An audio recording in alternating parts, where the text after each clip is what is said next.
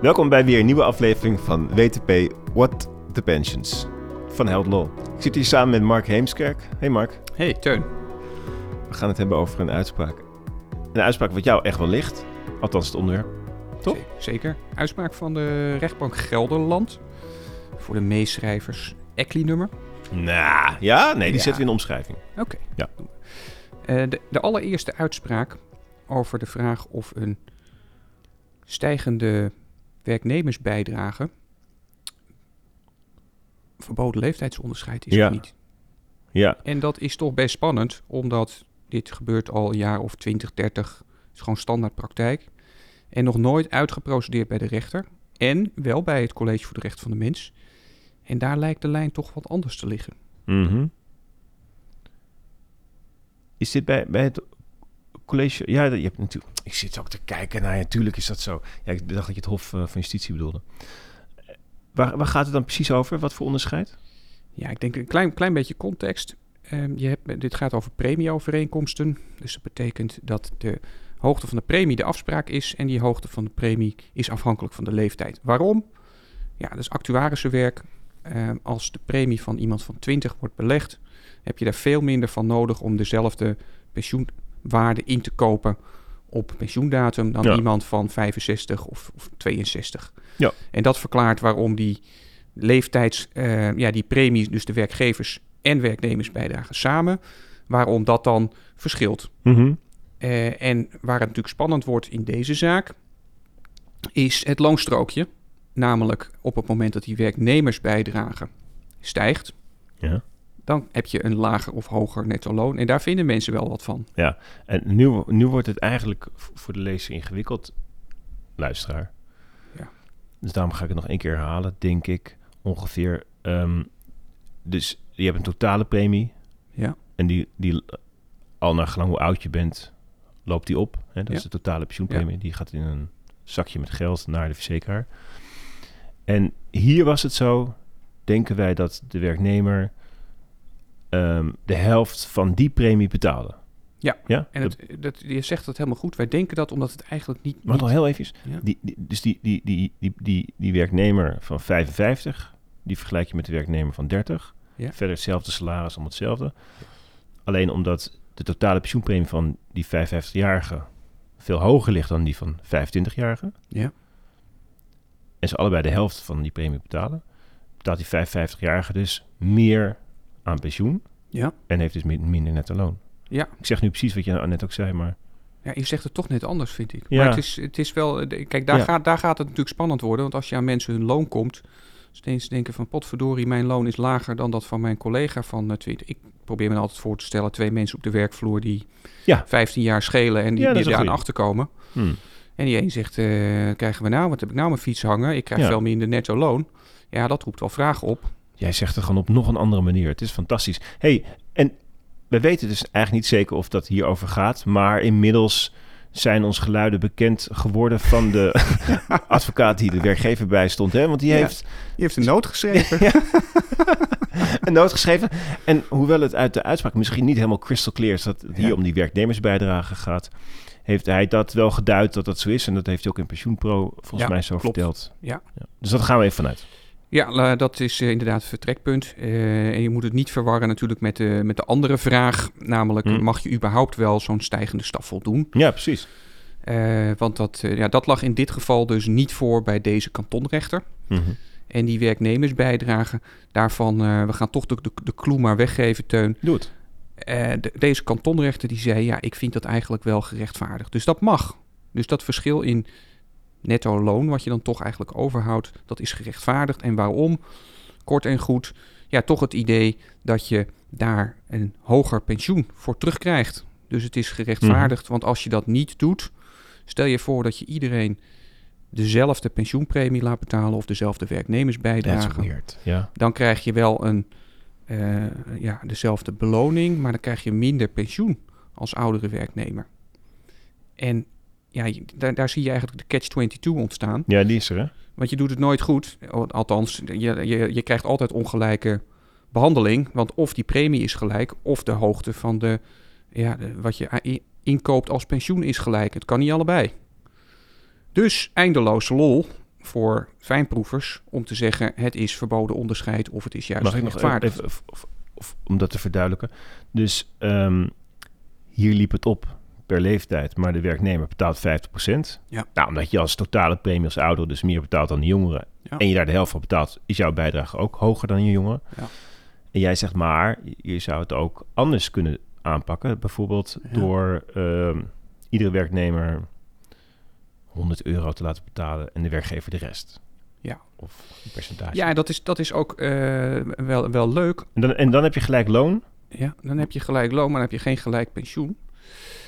Eh, maar dat, er zijn natuurlijk alternatieven. En dat is iets wat je in de... eh, een klein beetje techniek... eh, want dat leeftijdsonderscheid kan objectief gerechtvaardigd worden. Zo heet dat. Staat ook in de wet.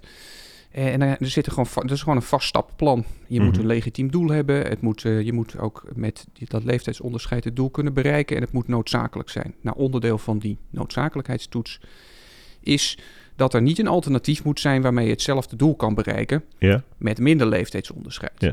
En het College voor de Rechten van de Mens heeft een aantal jaren geleden een paar oordelen gegeven. En één daarvan was de situatie dat ze eigenlijk zeiden: ja, als je nou voor die werknemers dezelfde werknemersbijdrage eh, geeft, ehm, dan kan je hetzelfde doel ook bereiken als In werkgever in absolute zin. Ja. Want dan krijgen ze ook het gelijke pensioen. Alleen dan is die werkgeversbijdrage natuurlijk hoger. En Ja. je hebt nog een ander alternatief. En dat is dat je mensen vrijwillig laat kiezen of ze bereid zijn om daar iets meer premie voor te betalen. Eh, en die alternatieven. Even, die laatste betekent dan dat je zegt... ehm, werkgever, ik betaal voor iedereen ongeacht de leeftijd... eh, weet wel, 4%. ja. Jij betaalt ook als werknemer 4% van je salaris. En, maar je mag meer betalen. Is, is- moet ik het zo zien? Ja, ongeveer. Eh, klei- kleine aanvulling. En dat is namelijk als je. Het is eigenlijk op vrijwillige basis. Hè? Dus je mag je gelijke loon mag je dan eh, eh, houden. Maar als je een hoger pensioen wil, ja, dan moet je daar ook iets meer voor, voor bijdragen. Dat, is, dat zou een alternatief kunnen zijn. Nou, dat is ook Mhm. besproken bij het College voor de Rechten van de Mens. Jaren geleden al, de, Mhm. die oordelenlijn. En het gekke vind ik, Teun, is dat als je de- deze hele korte uitspraak kijkt, dan denk je van wauw, hoe dun was dit dossier? Eh, want die uitspraak is wel eh supersnel. Binnen de, binnen de zes pagina's, eh, Mhm. inclusief toeters en bellen. Mhm.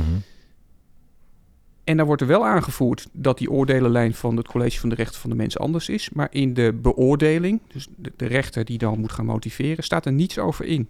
Ja, dat snap ik niet. Begrijpt gewoon niet. Ja, je, Want je, moet je moet volgens de Hoge Raad, als je afwijkt van de oordelenlijn, moet je motiveren.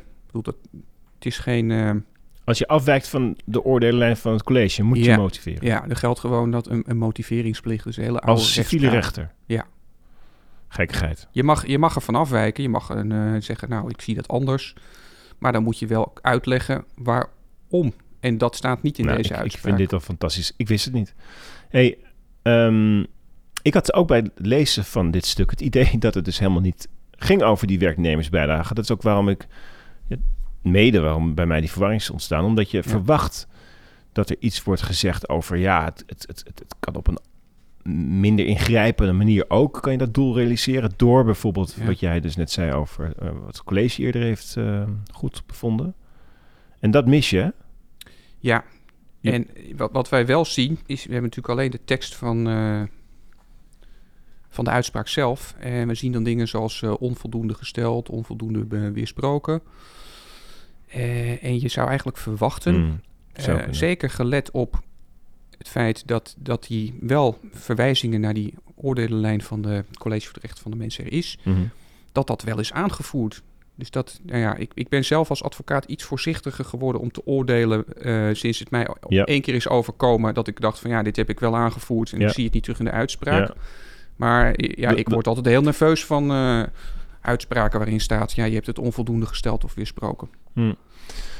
Ja, eigenlijk, Mark, als je dan die uitspraak leest, dan hij is zo beknopt in zijn motivering en, en mogelijk is, is het verweer ook heel sumier geweest. K- kunnen we hier toch helemaal niks mee met deze uitspraak? Het, het zegt toch weinig dan? Nou, dat ligt eraan aan wie het vraagt, eh, Teun. Want je ziet dan de LinkedIn-berichten meteen voorbij springen en die zeggen van, Ja. eh, nou, eh, zie je wel, er is duidelijkheid. Ehm, ja, dan denk ik eh, dat is een te vroege conclusie. Eh, het gaat wel een eigen leven leiden natuurlijk. Want dit, als dit de eerste civiele uitspraak is en ehm, er wordt geen hoger beroep ingesteld... ja, de volgende kantonrechter zal dan toch, denk ik, geneigd zijn om eerder dit oordeel te volgen. Je hebt wel wat extra uit te leggen. Ja, ja, ja. Maar voor, dit, de, voor de WTP? ja, dit, dit is eh, feest gaat het worden, want dit is één uitspraak nu over die leeftijdsdiscriminatie. Nou, de wet toekomst pensioenen. Ik heb even geturfd gewoon voor de, voor de lol. Misschien zegt dat ook iets over mij. Hoe vaak het woord leeftijd voorkomt in de memorie van toelichting. Heb je dat echt net gedaan? Ja, heb ik echt net gedaan. Heb je echt geturfd? Ja, ja. Ja, moet ik gokken? Ja, gewoon, noem eens gewoon iets geks. Niet naar mijn briefje kijken, hè? Nee, ik... ik leeftijd. Ja. Ja, memorie nee. van toelichting of, of in het wetsvoorstel. Je, voor mij mag je kiezen. Nee, ehm de wetsvoorstel denk ik v- v- 15. Vind- Nee, mindere.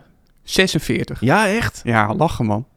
Het gaat, ze gaan helemaal alles chockvol leeftijd eh, proppen. Leeftijdscohorten, leeftijdsgroepen. Het moet in het transitieplan uit worden uitgesplitst in leeftijdsgroepen.